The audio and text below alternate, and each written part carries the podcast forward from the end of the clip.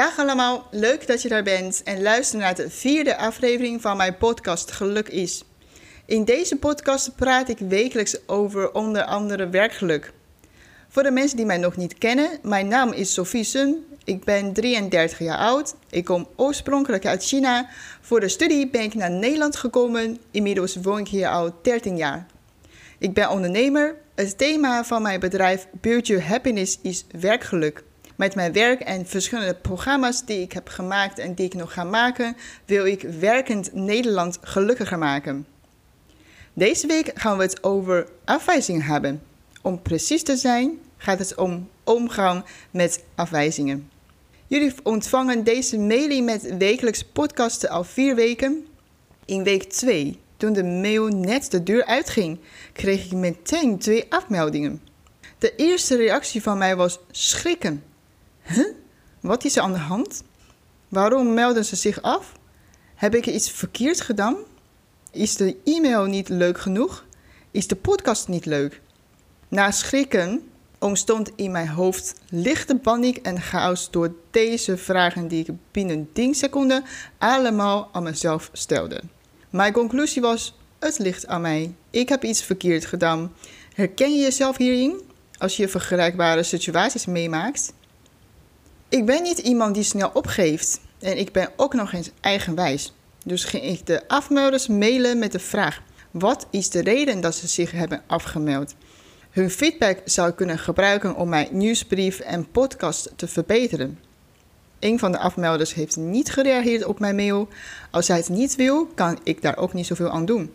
De andere heeft wel heel snel uh, een e-mail teruggestuurd. Zij gaf aan dat podcasten niet haar ding is. Het kan natuurlijk. Daarnaast gaf zij ook aan dat de inhoud haar niet voldoende raakte en dat de thema's voor haar niet zo relevant waren. De laatste opmerkingen heeft mijn nieuwsgierigheid getriggerd. De inhoud raakte haar niet voldoende. De thema's waren niet relevant genoeg. Dus stuurde ik een reactie terug om haar te bedanken en stelde nog een vraag. Welke thema's zouden jou wel voldoende kunnen raken? Zij reageerde een dag later. In de mail heeft zij drie vragen geciteerd vanuit mijn nieuwsbrief en schreef: Dit zijn grote vragen. Zo'n nieuwsbrief en podcast is toch alleen maar een tussendoortje. Oké, dacht ik. Het zijn inderdaad grote vragen, levensvragen zelfs. In mijn ogen is het juist goed om er regelmatig bij stil te staan. Omdat ze groter zijn, zou ik juist toch ergens mee moeten beginnen? Blijkbaar heeft zij hier een andere mening over. Wij staan wat dit betreft niet op één lijn. Wat ook helemaal oké is. Ik heb verder niet meer gereageerd op haar e-mail. Hierover zou ik urenlang met de ander kunnen discussiëren, uh, maar daar heb ik nu even geen behoefte aan. Plus, het kost mij energie om in zo'n oneindeloze discussie te belanden. Vanuit zelfzorg besloot ik de e-mail te archiveren. Ik kon de e-mail in de archiefmap stoppen. Tegelijkertijd merkte ik dat ik van binnen nog wat strooringen voerde. Ik kan de strooringen niet zomaar gooien in een archiefmap. Uit ervaring weet ik ook dat ze veel sterker terug zullen komen als ik ze probeer weg te stoppen. Dus ging ik onderzoeken wat de strooringen precies inhielden. Het is wel eens waar dat het oké is dat zij een andere mening heeft dan ik. Ik kan er puur zakelijk naar kijken. Maar ik ben ook een mens met uh, vlees en bloed. Het nee krijgen heeft impact op mij als persoon. Ik voelde me afgewezen. Begon opeens te twijfelen aan mezelf en of ik alles goed deed. Het was een, uh, energielek. Ik kon wat energieboost gebruiken om weer steviger in mijn schoenen te kunnen staan.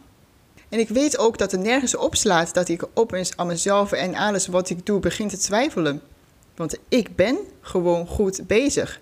Dit hoor ik continu terug van mijn omgeving. Zo voelt het voor mijzelf ook. Toch heb ik iets nodig om dit weer goed te kunnen maken. Uit een wetenschappelijk onderzoek blijkt dat het om één keer negatieve emotie te balanceren, dat je drie tot vijf keer positieve emoties nodig hebt ja, die positieve emoties kon ik wel gebruiken. Wat deed ik? Op zoek naar iets waar ik blij van kon worden. Maar wat? Moest, ja, toen moest ik nog even nadenken. Had ik niet meteen een idee. Toevallig had ik op die dag een powergesprek met een cliënt. Het gesprek ging heel goed.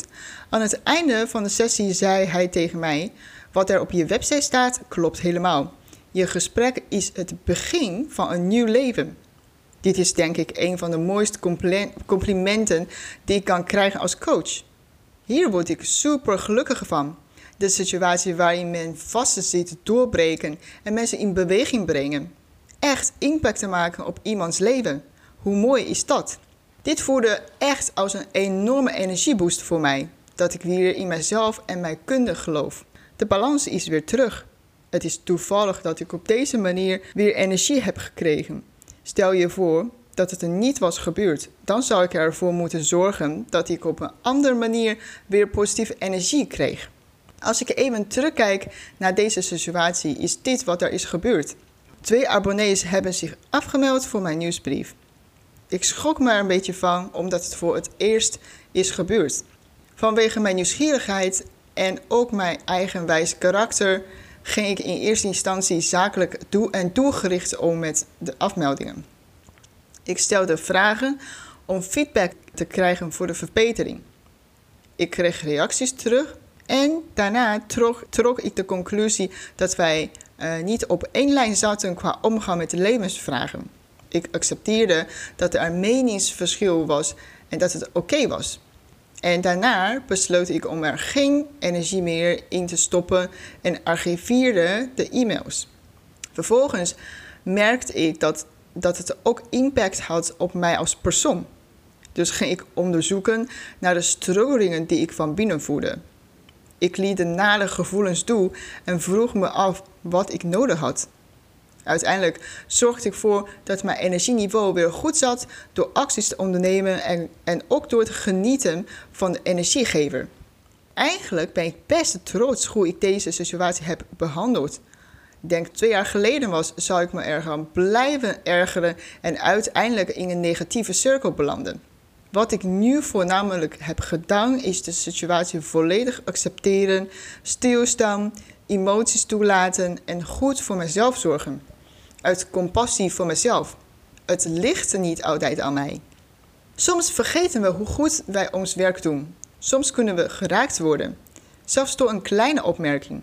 Het kan gebeuren. Het is oké. En het is aan jou om jouw geluk te herstellen, om de positieve energie terug te vinden. Dus besluit ik vanaf nu mijn aandacht volledig te lichten op mensen die mij ondersteunen op allerlei manieren. Daarvoor ben ik heel erg dankbaar. Dus ook voor jullie die naar mijn podcast luisteren, die mijn blog lezen, mijn berichtjes op social media liken. Dank jullie wel. Jullie ondersteuning betekent heel veel voor mij. Deze dankbaarheid mag ook gezegd worden.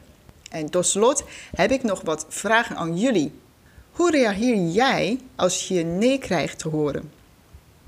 En wat is je eerste neiging? Ga je om met deze neiging? Ga je meteen acties ondernemen of ga je eerst even vertragen? Waar ligt jouw grens? Wanneer ga je stoppen met acties? Hoe laat je de ander weten dat je grens bereikt is? Hoe ga je om met de emoties en gevoelens die bij de situatie horen? Wat is je eerste neiging qua emoties en gevoelens? Hoe ga je om met deze neiging? En weet jij waar je energie van krijgt? Als je naar de gebeurtenis kijkt, wat heb je nog te doen of te leren? Hopelijk helpt deze podcast jou om beter te kunnen omgaan met nee-situaties. Heb je vragen? Laat mij maar weten via sophie.budgethappiness.nl. Deze podcast is ook te lezen als blog op mijn website www.budgethappiness.nl. Heel erg bedankt voor het luisteren. Volgende week gaan we het hebben over grens bewaken en aangeven. Wil je de verhalen niet missen? Meld je aan voor de nieuwsbrief met volle inspiraties. Graag tot volgende week.